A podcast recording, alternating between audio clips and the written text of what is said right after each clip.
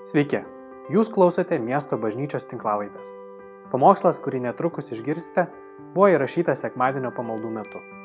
Meldžiame Dievo, kad Jis kalbėtų jums per šį pamokslą. Šį rytą mes tęsime šį pamokslų ciklą, kuris, pasakysiu, man kelia tokio truputį, na, jaučiuosi, kad apsėmiau tokio kasnio, kurį, kurį sunku praryti truputėlį, bet visgi noriu šiandieną kalbėti apie enneagramą ir tuoj paaiškinsiu, ką tai reiškia, bet e, taip tuo pačiu metu noriu išsakyti ir savo jausmus e, ir, ir truputį palydėti mus prote, kaip nusiteikti tolimesniam vat, keturiem pamokslam, kuriuos ruošiu šiuo metu. Um, tai, ką kalbėsiu dabar, um, tikrai palies labai gilias tokias mūsų širdies dalis, paslėptus tam tikrus kampelius. Ir mokymas apie enegramą arba mūsų tipą uh, kalba apie mūsų um, tam tikrą kaukę, kurią mes susikūrėme, su kuria mes atėjome į um, šį pasaulį uh, ir kurią mes kūrėme patys. Taigi šitas mokymas apie eneogramą yra gilus, jis iš tiesų užtrunka ilgą laiką, aš neturiu tokios vilties, kad aš jums dabar viską išdėstysiu, jūs suprasit, kažkoks įvyks fantastinis proveržis, bet viliuosi, kad tai, ką kalbam apie savęs pažinimą ir Dievo pažinimą, kad mes visi, na, priartėsime arčiau tos tiesos, nes tai, ką atskleidžia va, šitos tiesos apie, apie mus, parodo irgi būdą, kaip mes girdime Dievą, kaip mes jį pažįstame. Mes kalbėsime apie kaip mes kiekvienas skiriamės, kokie yra tie skirtingi mūsų visų tipai ir kaip mes priimame tik tikrovę, nes iššūkis kiekvienam iš mūsų yra gyventi dabar, priimti tikrovę tokią, kokia ji yra. O tam, kad priimtume tokią, kokie jie yra, mes turime suprasti ir tuos filtrus arba linzės, tos akinius, per kuriuos mes žvelgiame į pasaulį, nes mes matom pasaulį labiau tokį, kokie mes esame, negu toks, tokį, koks jis yra. Ir uh, ta versija, kurią mes susikūrėm, su kuria mes ir ateinam ir kurią toliau um, pristatome žmonėms per savo gyvenimą, dažnai atveda mus į tokią būseną, kur mes um, išgyvenam, vat, kaip praeitą sekmadienį kalbėjom, tas vidinės baimės yra tam tikras nuogumo jausmas ir mums sunku tai mylėti. Mes turim tos vidinius konfliktus, baimės, kurios mums kelia nerimą. Teresė Avilietė yra labai gražiai pasakė, kad nusidėjėlis yra tas, kuris savęs nemyli pakankamai. Nusidėjėlis ir labiausiai nusidedantis žmogus yra tas, kuris savęs nepažįsta, kuris savęs negali priimti ir kuris žaidžia save ar dėl sąmoningų sprendimų, ar nesąmoningų sprendimų. Taigi mes kalbame apie dvasinę brandą, augimą mūsų Dievo pažinime ir savęs pažinime. Na, keletą žodžių apie pačią enneagramą. Tas žodis galbūt irgi truputėlį trikdo, jis toks atrodo, kas čia per žodis, ką tai reiškia. Pats žodis, jo reikšmė susideda iš žodžio enėja, tai reiškia devini graikų kalba ir grama reiškia raiškė arba nupiešti, arba išskaptuoti kažką. Žodžiu, tai yra devinių tokių tipų apskritimas ir aš netrukus jį parodysiu. Bet klausimas kyla apie enneagramos pačią prigimtį arba šaltinius, iš kur jisai toks atsirado. Ir čia iš visų mano skaitytų šaltinių knygų apie tai niekas negali iš tikrųjų pasakyti, kokia yra tikroji kilmė enneagramos. Kai kurie mano, kad tai kilo iš Babilono prieš 2,5 tūkstančio metų, kiti dar iš anksčiau, iš Egipto laikų. Mm, kiti žvelgia vėlgi jau į tokią bažnyčios tėvų praeitį. Tarp kitko, štai išmintis apie žmogaus prigimti, jo sandorą ir kaip žmogus reaguoja į pasaulį, jinai eina ir per įvairias religijas. Ir žmonės, kurie studijuoja žmogų jau daug, daug, daug amžių yra daug ką atradę.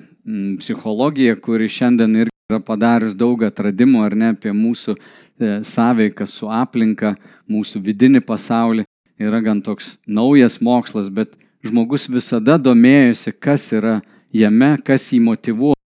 Tik turiu pasakyti, kad mes gyvendami vakarų pasaulyje labai daug dalykų suvokiame savo galvą, suvokiame vertindami protu ir daug kur pas mus egzistuoja toks lininis mąstymas, progresyvus mąstymas, mes viską norim sudėti dėžutes, tačiau žiūrint į pasaulio tokią patirtį, daugiametę arba daugelį amžių siekiančią patirtį, žmonės suvokia save ne tik kaip protą, bet ir visą savo esybę, ir pojūčius, ir tikėjimas, ir, ir daug tokių ir emocijos.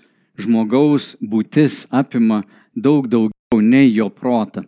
Taigi noriu, kad ir jūs atsivertumėte truputėlį pamastyti ir apie save ne tik per proto tokią prizmę ir pabandyti atrasti savo tipą ir sakyti štai aš, ir paskui rodyti kitam pirštu ir sakyti štai tu, štai tu, štai tu, štai tu. Ne taip turėtumėm prieiti prie šio klausimo, bet žvelgti daug plačiau.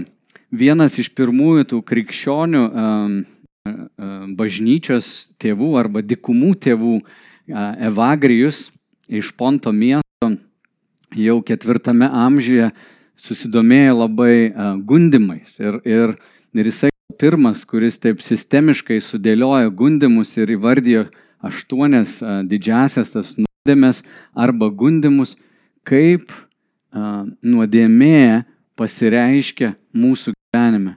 Kokiais būdais jis naudoja tą žodį logismoj, kokiais būdais piktasis prieina prie žmogaus ir kaip jį gundo. Ir jis labai sistemiškai tai sudėlioja galiausiai tai tapo bažnyčios tos didžiosios septynios nuodėmės arba mirtinos nuodėmės.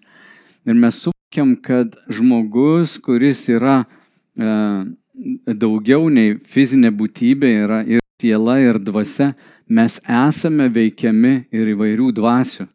Ir kaip dvasiniai žmonės turime suprasti, kad yra kita tikrovė, yra kitos jėgos, energijos, piktos dvasios, kurios mus gundo per kažkokią vieną pažeidžiamą galbūt mūsų vietą labiausiai. Ir aš kalbėjau anksčiau apie tai, kad mes nenusidedam visose srityse, bet turim kažkokią silpnesnę vietą, per kurią piktasis gali prieiti. Ir, ir šiomis dienomis, man atrodo, tas atskirimas tos jėgos arba gundimo yra labai menkas, netgi tarp tikinčių žmonių, krikščionių. Kaip sakiau, mes labai daug ką vertinam protu, kažkaip racionaliu protu, kuris yra pats iš savo prigimties toks dualistinis. Jisai viską skirsto į tam tikras kategorijas, į tokius kraštutinumus. Ir nebelieka kartais tame prote net tokios mistikos ar paslapties, o, o žmogaus pažinimas, Dievo pažinimas, jis e, turi savyje daug tokio ir gilaus ir nežinojimo ir to tyrimo ir tame yra gyvenimo grožis. Taigi, eva Jis buvo vienas iš tų, kuris sistematizavo uh, tuos gundimus, bet kalbant apie onegramos tokį laikinį jau vystimąsi, tai buvo Gregorijus Gurdžievas, kuris uh, XIX amžiaus pabaigoje gimė uh, Aleksandropolio mieste, galiausiai jisai mokė ir Maskvoje. Atnešė va, tą išminties, tą žodį, pats užaugęs tokioj kryškeliai, kur daug išminčių keliaudavo, žodžiu, rytais su vakarais susijungė tokioj erdvėje buvo ir pats paskyrė savo gyvenimą studijuoti tą senovinę išmintį. Jisai turėjo irgi mokinių, kiti paėmė jo mokymą, na, Oskaras Ičiazo ir dabar dar gyvi tokia Klaudijo Naranjo, kurie moko va tokiam Eneogramos mokyklas turi, kuri prieinama ir Lietuvoje. Jūs galite rasti internete apie tuos tipus.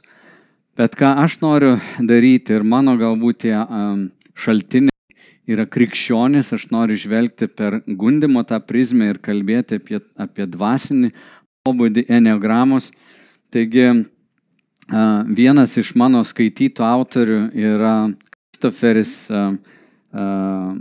Huerco, Huercas.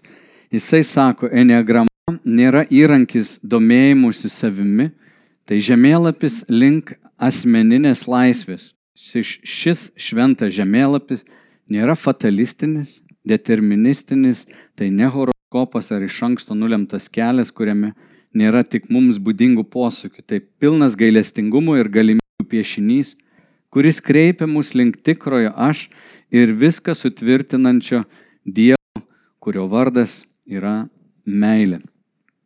Taigi, um, Kristoferis Huertas, jis ir sako, kad enneagrama apibūdina mūsų esminius uh, tokius žmonijos trūkumų, arketipus, uh, polinkius į nuodėmę, pirminės baimės ir pasąmonėje glūdinčius poreikius. Um, kaip mums reiktų tęsti arba kaip mums reiktų mokytis apie tai? Krikščionys autoriai pasakytų, Richardas Roras, kur, kur, kur, iš kurio mokausi, jis sako, kad visas mūsų augimas jis yra tiesiogiai susijęs su kontemplatyve mūsų malda, su buvimu su Dievu, su kasdienė tokia rutiniška maldos praktika. Iš tiesų tai nėra įrankis, kurį mums reikia pulti, valdyti, atpažinti savo nuogumą, atpažinti kitų nuogumą ir sakyti, tu toks, tu anoks, bet prieiti to kaip prie tokio švento kelio, kur mes nešame save Dievo akivaizdoje ir atidengiam patys, pamatome savo sužeidimus ir leidžiame Dievo meiliai mus gydyti. Taigi eikim prie pačios eneogramos uh, uh, paveikslo. Čia yra intelekto uh, centrai. Vėlgi, kai mes kalbam apie intelektą, tai suprantam šio laikiniam pasaulyje apskritai, kad na, intelektas nėra vien proto intelektas. Prieš 30 metų pradėjęs visas toks stiprus judėjimas apie emocinį intelektą ir daugelis šiandien verslo įmonių masto, kad nu, daug svarbiau turėti žmogų, žmogų, kuris turi aukštą emocinį intelektą, negu protinį intelektą. Bet čia mes kalbam apie intelekto centrus ir vat, visas šitas paveikslas a, yra, ir tuoj parodys jums ir skaičius, tuos tipus, bet galima nubrėžti va tokį apskritimą, a, kuriame yra trys dalis. Ir čia po, po tris tipus atitenka kiekvienai va šitai daliai. Ir iš tikrųjų tai atrodo gudrus sumanimas, kuo daugiau mes į tai gilinsimės, jūs pamatysit, kaip unikaliai jis atspindi žmogaus patirtį. Bet tie intelekto centrai yra vat, trys sritis, tai yra kūnas, galva, širdis. Ir kai čia kalbam apie kūną, tai yra kalba labiau apie mūsų e, intuiciją, apie šita dalis žmonių, jie išgyvena tikrovę, visą savo esybę, turi labai intensyvius tokius jausmus ir jų intelektas yra, kad tikrovę tiesiog taip pagauna, dažnai tie, tas tikrovės suvokimas yra labai gilus ir jų emocijos labai gilios, kad jie negali to sulaikyti viduje, jie tai išreiškia išorę. Širdies žmonės arba jausmų žmonės yra čia trys tipai. Tai yra žmonės, kurių um, visa tokia energija yra susijusi su jausmais, bet ne tai, kad jie būtų žmonės, kurie, kaip pasakyti, jie labai atpažintų savo jausmus, jie atvirkščiai neturi savo jausmų, nes turi visų kitų jausmus. Tai yra, jie tikrovę išgyvena ne per savo, o per kitų jausmus. Taip jie atitolsta nuo tikrovės ir jų jausmai yra labiau pseudo jausmai um, jie trokšta artumo su kitais ir nuolat lyginasi su kitais e, žmonėmis, kad patvirtintų savo meilę. Taigi, uh, jie, šit, šita žmonių grupė yra labiau tokie susijęs su jausmais, bet ir atitolę nuo jausmų. O šitas vat, intelekto centras galva, tai galima būtų pasakyti proto arba minčių žmonės.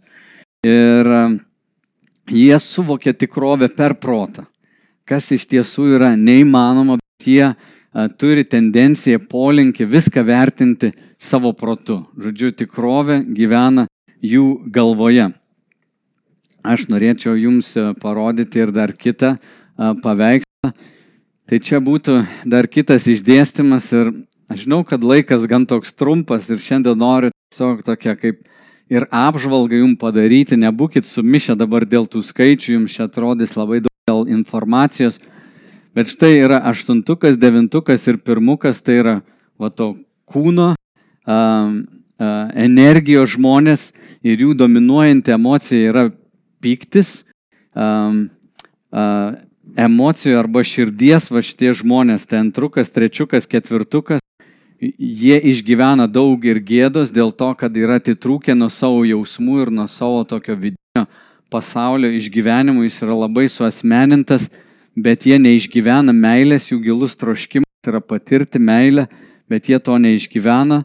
Ir štai penketukas, šešetukas, septintukas būtų dar vienas intelekto tas e, centras, kur žmonės suvokia tikrovę per protą ir jie išgyvena daug tokios sielvarto emocijos. Dabar pereisiu dar truputėlį apie skaičiukus. Tai jeigu žiūrime į proto, pradėsiu gal grįšiu nuo, nuo kūno žmonių, tai kūno tie žmonės, kaip sakiau, jie tikrovę a, vertina iš anksto. Jie yra tie žmonės, kurie apskritai turi iš ankstinę nuomonę apie kiekvieną žmogų, apie tikrovę, jau iš anksto jie yra tai nusprendę, jie viską vertina, jie viską teisė ir vidinės įtampas jie perkelia iš, į išorę. Ir jeigu nėra dramos išorė, jie dažnai patys sukuria dramas. Aštuntukas siekia dominuoti, devintukas linkęs tarpininkauti, pirmukas linkęs siekti tokio balanso, taisant žmonės. Geriausia šitų žmonių versija, jie keičia pasaulį. Blogiausia jų versija, jie visus erzina. Širdies žmonės, kaip sakiau, jie turi tokius pseudo jausmus, jie trokšta artumo su kitais, bet ir nuolat lygina su visais, kad patvirtintų savo vertę. Antrukas jis visada norės būti mylimas, čiukas labiau siekia sukurti tokį įvaizdį, kas, kad jie būtų priimti, priimtini ir tai, kas populiariai priimtina yra. Ketvirtukas siekia būti a, a, toks unikalus, autentiškas ir, ir aš apie tuos tipus kalbėsiu dar kitose dalyse ir aš taip suprantu, kad dabar taip mes tokį lekiam, bet iš to, ką jūs girdite, jūs galite po truputį trupinėliais rinktis ir sakyti, va čia kažkas skamba truputį panašu į mane. Bet šita grupė žmonių, va antrukas, bus tie, kurie yra linkę tarnauti, jie supranta meilės išreiškimą, kad jie turi tarnauti kitiems, tai yra pasišventę tokie duodantys žmonės.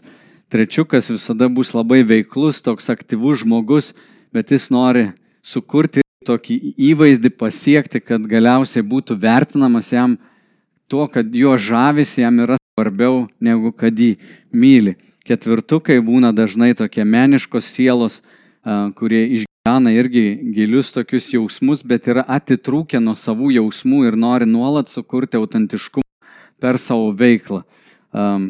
Na ir proto, proto žmonės arba galvo tie žmonės, kaip sakiau, kontaktą su tikrove keičia į e, mąstymą keičia į mintis. Jie negali išgyventi tikrovę savo galvą per mąstymą, bet jie įgyja saugumo jausmą, planuodami viską į priekį. Taigi penketukas bus tas, kuris bus linkęs išanalizuoti ateitį, šešetukas dažnai vadinamas irgi baimės tokie vedami žmonės, jie ieško uh, saugių alternatyvų. Septintukas bus tas, kuris sieks pramogų, savo gyvenime vėlgi, kad pabėgtų nuo skaudžios tikrovės. Na, čia toks gan greitas apibėgimas ir, ir, ir parodimas tų skaičių, bet dabar norėčiau prieiti dar prie tokios esmės. Kai mes ateinam į šį pasaulį, kai mes gimstame, mes žinoma atsinešam savo kokį būdą, savo, savo DNR. Ir Richardas Roras sako, kad tai, ką mes mokome šiandieną, ką ir Kristoferis Vercas sako, kad tai nėra deterministinis arba fatalistinis toks prieimas, kad tu esi jau vienas kažkoks skaičiukas, esi užstrigęs ir tu niekada nesikeisi. tai, ką mes atsinešam į pasaulį, yra galbūt vienas trečdalis, vienas trečdalis yra mūsų aukyba ir dar vienas trečdalis būtų mūsų pačių kaip žmonių padaryti sprendimai, kas suformuoja vat, mūsų tas kaukės, mūsų tą personą, kurią mes perteikiam. Ir kalbant apie tą gelmę, vat, šito, šito modelio, turėtumėm pakalbėti ir apie vaikystės žaizdą. Vaikystės žaizda tai nėra kažkokia trauma, patologija, kurią mes įgyjome per, per kažkokią kančią, bet vaikystės žaizda yra tai, kaip mes interpretuojam netobulą meilę, kurią patyrėm arba kurios nepatyrėme savo gyvenime.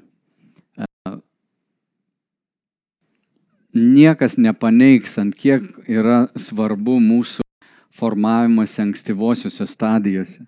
Ir nesvarbu, kokioje aplinkoje žmogus auktų, labai geroj ar blogoj, tai žinoma padarys jam įtaką vienaip ar kitaip. Ir žaizda bus suformuota nebūtinai dėl traumos ar padaryto kažkokio konkretaus veiksmo, nors tai gali būti.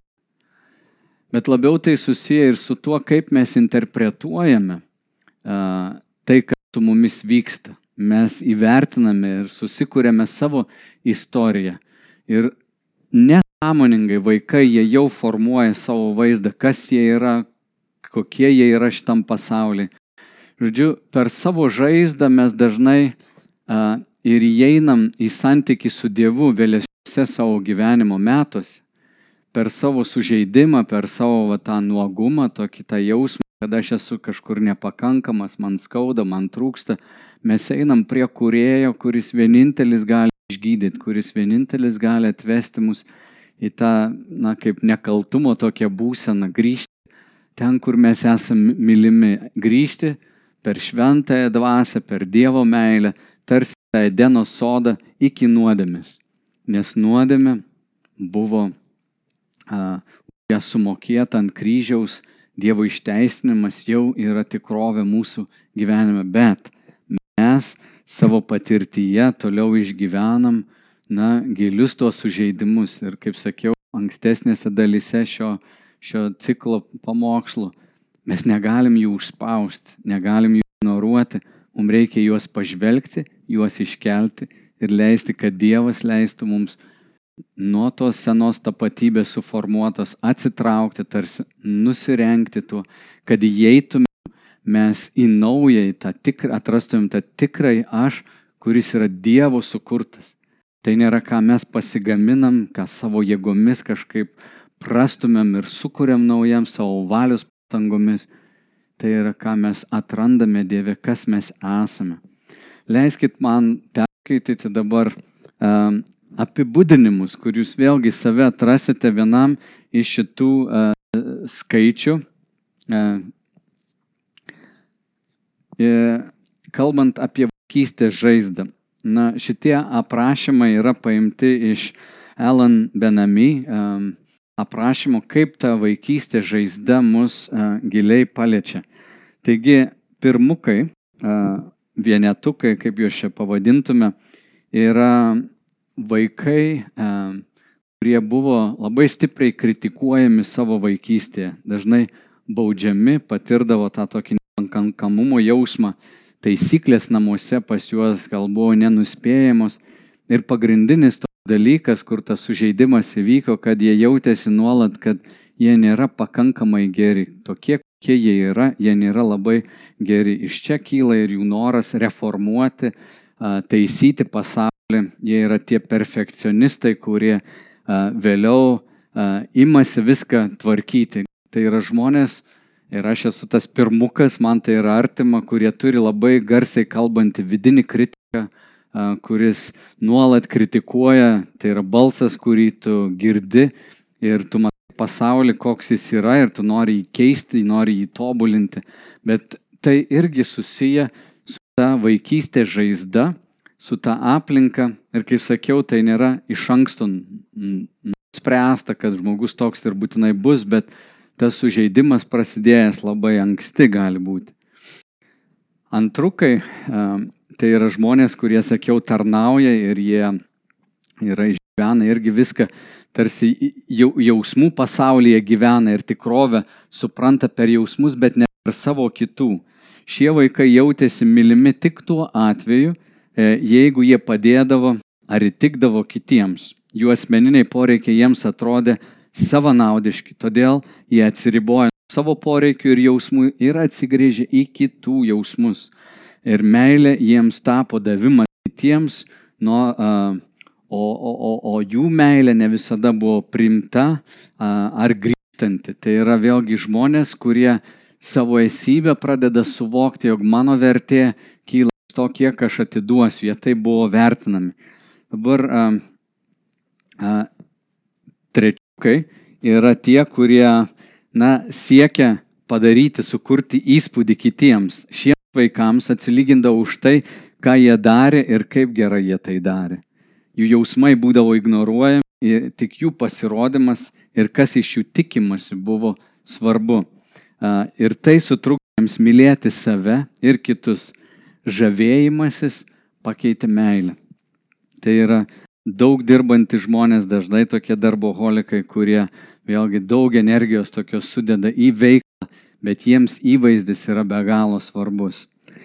Ketvirtukai, tai šiuos vaikus apleido vienas arba du globėjai. Jie jautėsi vieniši, atskirti nuo meilės šaltinio dėl priežasčių, kurių jie nesuprato. Jie buvo nematomi ir jautėsi kitokie nei jų tėvai O to rezultatas yra, kad jie patys užsidarė savo jausmuose ir vaizduotėje, kad geriau susitvarkytų su izolacija.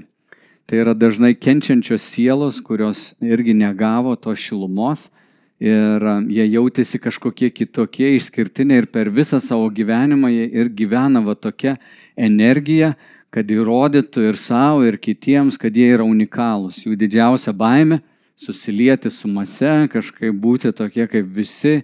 Dėl to tai yra ta menininko energija, kurie nuolat kuria.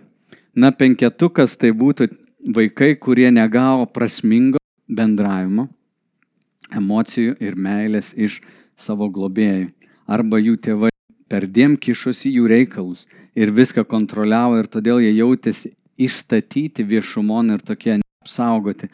Ir to rezultatas - pastatytos sienos ir užsidarimas minčių pasaulyje.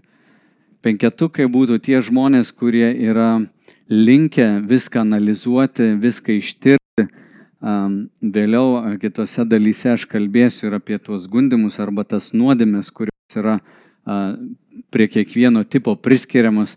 Tai prie šito yra godumas tipo priskiriamas, bet godumas ne pinigų, o žinių. Tai yra žmonės, kurie nuolat patenkina vat, savo tą suvokimą tikrovės per protą, čia kaip ir sakėm, galvo žmonės, per žinias, kurias jie gauna, taip vat, užsidarę patys savyje, viską išanalizuoja, ieško alternatyvių būdų.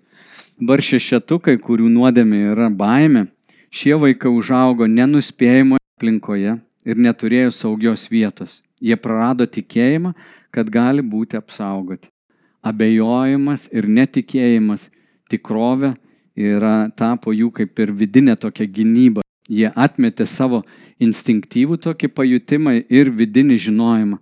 Ir tokių žmonių iš tikrųjų yra labai daug, tai gal vienas tokių labiausiai dominuojančių um, tipų, kur baime irgi yra uh, didelis toks drivas arba tai, kas, kas juos veža. Žodžiu, žmonės, kurie uh, stengiasi apsisaugoti.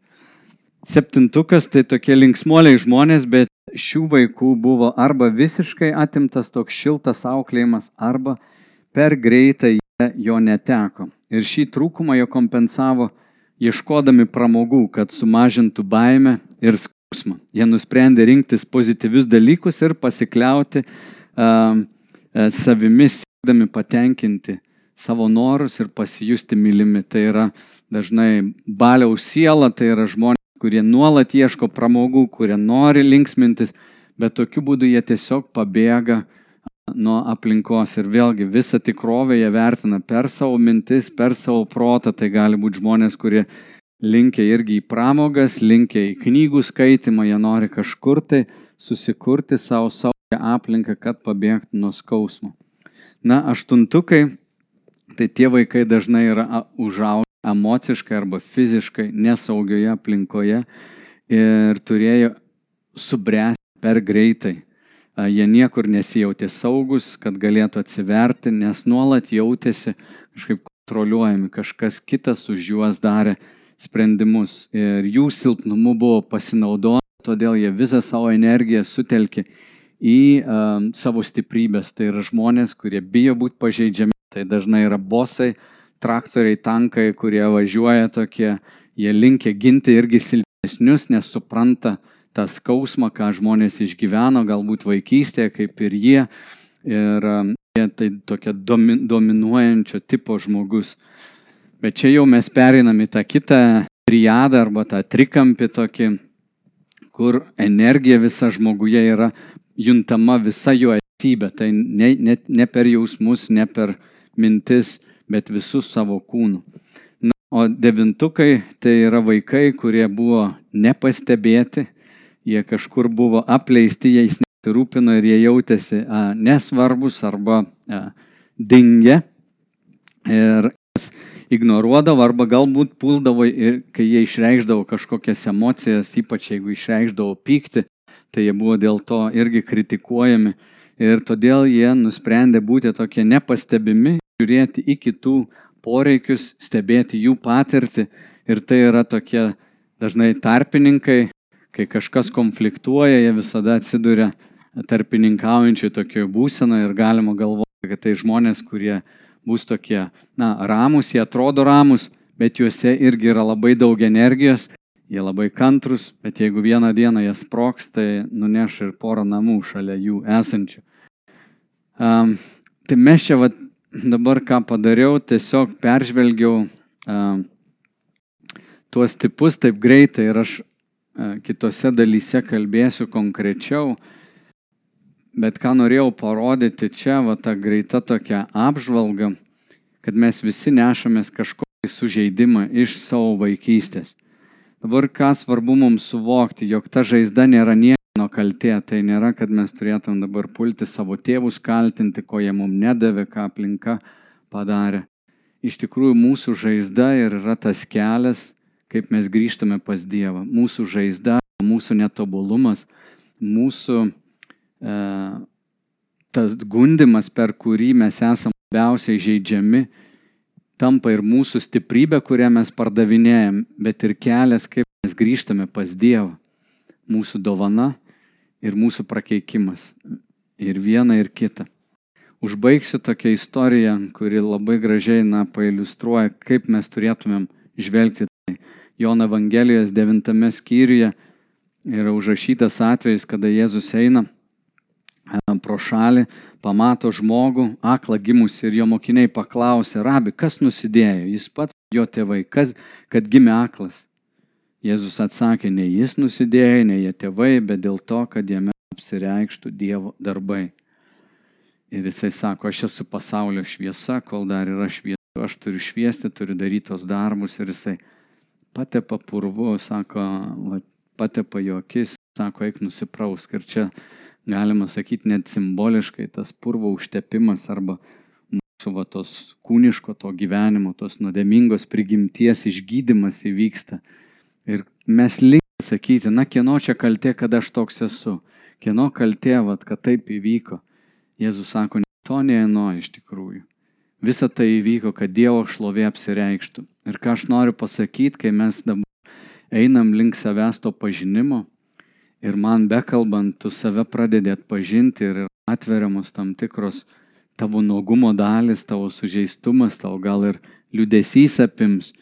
Ir studijuojant pačią negramą, iš tikrųjų, kas įvyksta, ne toks, kad, wow, koks aš faina, štai mano stiprybės. Pažvelgiau dabar į tas sunkesnės, tokias sudėtingesnės ir negatyves dalis mūsų, kad mes suvoktum, jog mes pražuvę ir mums reikia Dievo, bet Dievas yra tas, kuris mus ir išgydys. Taigi tas kelias link tikrojo aš, kelias namo yra visų tų trijų intelektinių centrų toks integravimas. Ir apie tai toliau kalbėsiu, sakau, čia tik yra tokia kaip įžanga. E, ir mano malda, kad viešpats mus lydėtų tame savęs pažinime, kad mes pažinę, kaip mes priimam tikrovę, galiausiai galėtumėm pažinti ir Dievą, kuris gyvena tik tais dabar, tik toj tikrovė ir kaip jis nori su mumis bendrauti.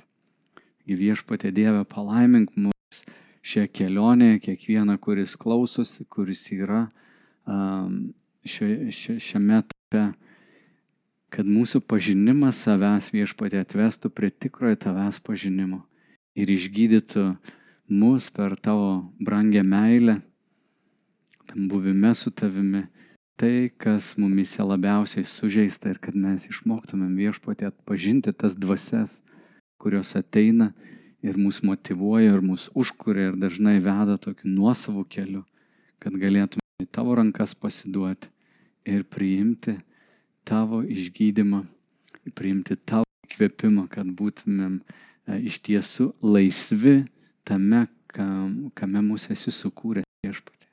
Meldžiu tos laisvės visiems, mum, mūsų bažnyčios visiems nariam, kiekvienam, kuris klauso. Ačiū, kad klausėte. Daugiau informacijos apie miesto bažnyčią rasite internete www.m-b.lt